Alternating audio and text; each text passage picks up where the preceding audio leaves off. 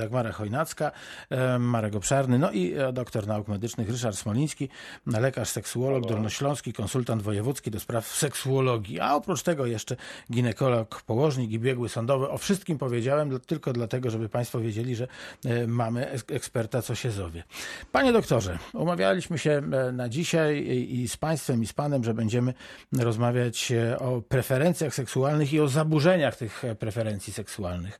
To jeśli można, zacznijmy od tak zwanego jajka, czyli od początku, e, od, od definicji. Co to takiego preferencje seksualne?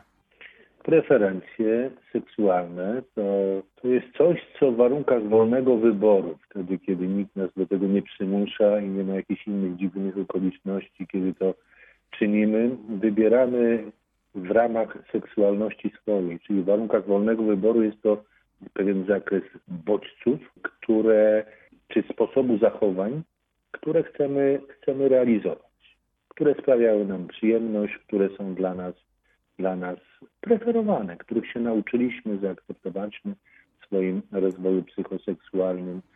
I taka jest definicja preferencji seksualnych. A w takim razie, ta, tak?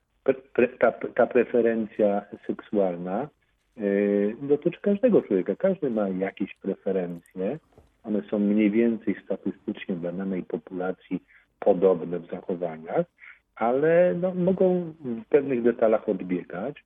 Chyba mogą się danej jednostki, danej osoby różnić e, od innych w sposób zasadniczy, ale wcale nie muszą być zaburzone, prawda? Mogą być po prostu takie i tyle. Czyli to, że mam jednego męża przez 50 lat i z nim piątkę dzieci, to, to są moje preferencje. Czyli każdy, preferencje same w sobie znaczy, nie są, że tak powiem, brzydkim to, słowem. Każdy je ma, tak? Ja, ja, ja, myślę, że w tych, tym mężu przez ile lat to, Panie doktorze, nie po prostu... Me, me, medal i inne rzeczy, ale sam mąż nie jest preferencją. Oczywiście A. pewne zachowania, które realizujecie, realizujecie z mężem, a które, do których się przyzwyczailiście, które są w ramach wolnego wyboru dla Was zachowaniem preferowanym, e, jest, jest, można nazwać jakąś preferencją. Ale to jest bardzo ważne, co pan doktor powiedział. Każdy ma jakieś preferencje, no bo każdy w nas, w, z nas w jakiś sposób się zachowuje, tak?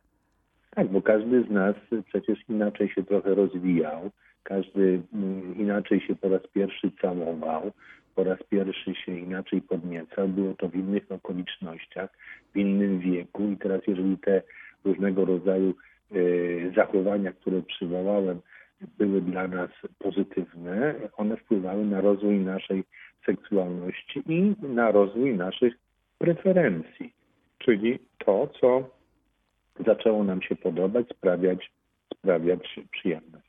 A czy można rzec, że preferencje seksualne prowadzą do, do pewnej rutyny e, w związku, do takiego pewnie w efekcie później znudzenia się seksualnością partnera? E, można i tak powiedzieć, ale preferencja wcale nie znaczy, że, że tak musi być, prawda? Bo przecież y, preferencja nie jest takim malutkim elementem czy, czy pewnym stereotypem tylko zachowań, ale y, dotyczy to tego, co nam się podoba, co preferujemy w zachowaniu, w ubiorze, w czynności wzajemnej, bilateralnej, już seksualnej. I oczywiście, gdy te. Jest to preferencja, ale wcale nie znaczy, że jeśli preferujemy, no wymyślmy sobie teraz coś na szybko, żeby to od razu, tak trudno wymyśleć od razu na szybko, żeby to nie było zaburzoną preferencją, ale niech będzie, no, że lubimy, y, wcale to nie jest zaburzona, żebyśmy się dobrze zrozumieli to, co przywołam, lubimy, żeby, żeby nasza y, mężczyzna lubi, żeby jego partnerka była no wymyślam, rozczochrana, kiedy się z nią... O, proszę bardzo. Jakie fajne. A ona, a ona lubi, żeby to było przy świetle. A, a ona lubi, żeby, żeby to było przy świetle. No jest to jakaś I wtedy się wstydzi, że jest rozczochrana. Ale, tak, ale, no tak, ale, a, ale, ale jeśli im to obojgu odpowiada, jest to preferencja a jak najbardziej akceptowana trudno w ogóle mówić o jakimś zaburzeniu. Natomiast jeżeli ona jest całe życie rozczochrana, i wchodzi to w stereotyp zachowań i nigdy się do tego seksu nie uczesała, no to rzeczywiście ta preferencja, tak jak pan redaktor powie, powiedział, ona oczywiście nie jest jakaś zaburzona, ale staje się stałym elementem i może wpływać na, na jakiś konsensus zachowań. Ale ja bym jeszcze chciała zostać dobrze, tutaj dobrze, sekundkę, dobrze, bo to jest bardzo, bardzo ważne, a potem nam umknie.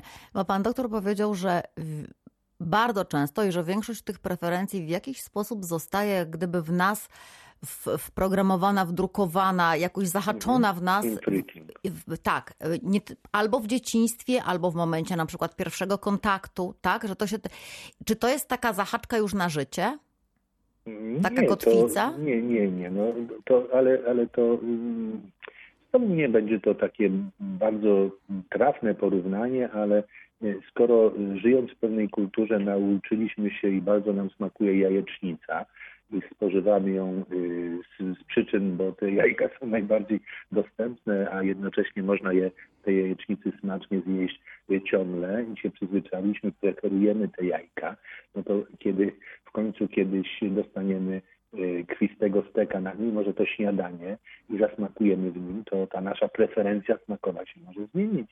Może kiedyś nie kosztowaliśmy e, krwistego steka i dlatego nie wiedzieliśmy, że coś może być innego. Czyli preferencja się może zmienić. Możemy zasmakować w innym zachowaniu, jeśli ono jest dla nas satysfakcjonujące, prawda?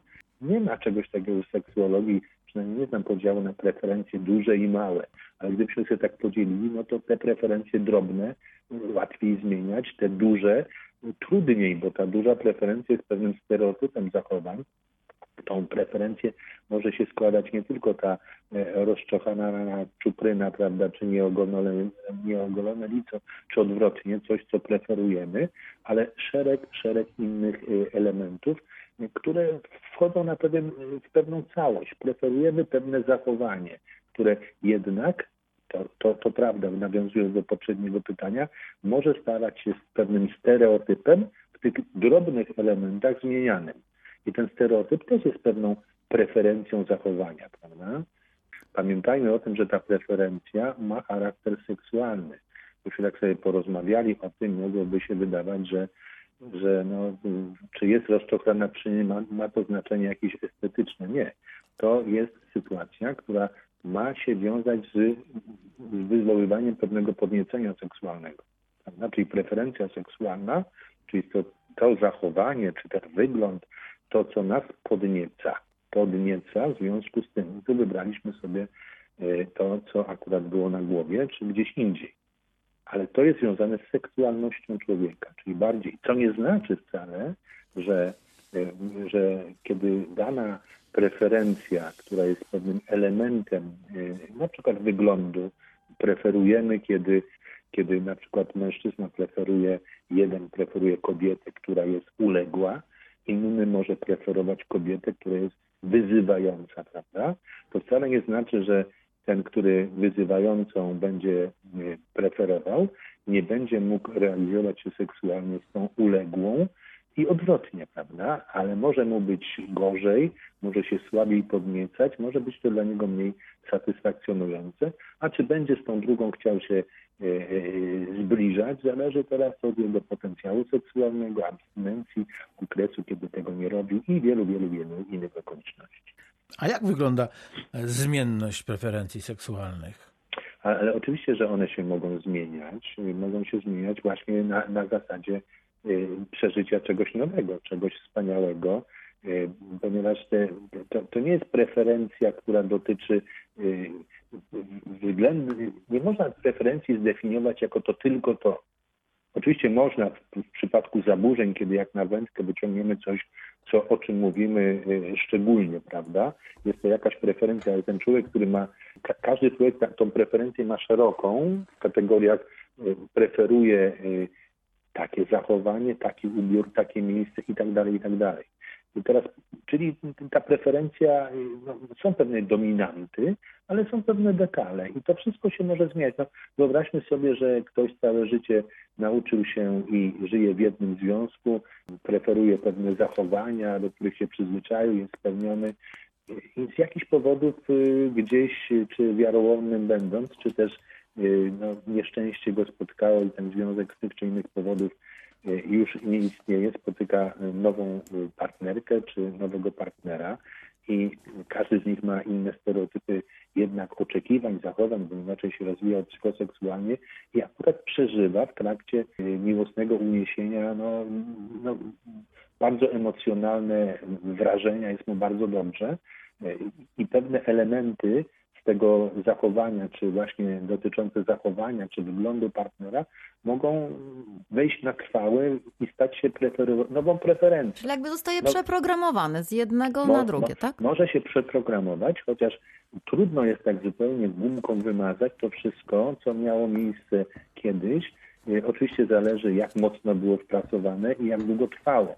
E, bywa e, też tak na przykład, że osoby, które, e, no, mówimy teraz o takich, o, w tych zachowaniach, preferowały pewne zachowania, poznały nowego partnera, zaczęły preferować nowe zachowania, to, to tak jak ze starością, to czasem na starość wracają do tego, co było za młodo.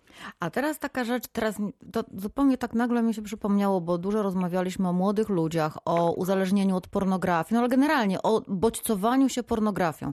I czyli aż na przykład y, ktoś y, tak powiedziałam młody człowiek, bo mi się akurat taki pojawiło, że młody człowiek, no bo oni są jakby najbardziej otwarci na te nowe bodźce i właśnie w ten sposób sobie jakieś preferencje wyrabia. One... Ale zdecydowanie ma pani redaktor rację. Nie tyczy, nie tyczy to tylko młodych ludzi, ale e, również coraz więcej takich osób spotykam 40-50 plus, a nawet więcej, którzy zaczynają y, jakby odkrywają w seksualności różnego rodzaju zachowania, które no, kiedyś w ogóle nie były dla nich wyobrażalne.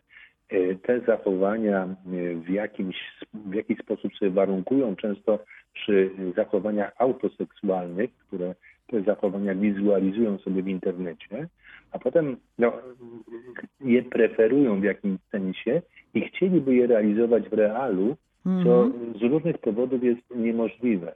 Najczęściej jest niemożliwe dlatego, że oni w ogóle komunikacja w seksie jest, jest zerowa często, werbalna i w ogóle nie potrafiliby powiedzieć swojemu partnerowi czy partnerce, że, że, że coś takiego jest, bo to jest coś tak odmiennego od ich stereotypów zachowań, że no, wstydziliby się czegoś takiego. No i teraz czy taka, taka, takie, takie nowe preferencje, takie nowe uwarunkowania, które sobie zrobią, mogą na przykład negatywnie wpłynąć na ich dotychczasowe życie seksualne?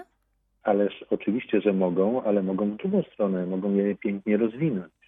To zależy, jak partner będzie podchodził do tych nowych bodźców, mm -hmm. które ewentualnie wprowadzą do swojego repertuaru zachowań seksualnych. Trzeba wiedzieć jedną rzecz, że mm, zasada podstawowa mówi, przyjmujemy i realizujemy zachowania takie, które nam odpowiadają. Czyli nigdy nie róbcie Państwo czegoś w swojej seksualności, co jest dla Was nie do przyjęcia, prawda, pod presją partnera z przyzwolenia. Czasem y, no, spotykam się z takimi spotykałem się to niezbyt często z takimi sytuacjami, że dwoje ludzi chciało tego samego, tylko nie wiedziało, że tego chce, bo o tym po prostu wstydziło się powiedzieć.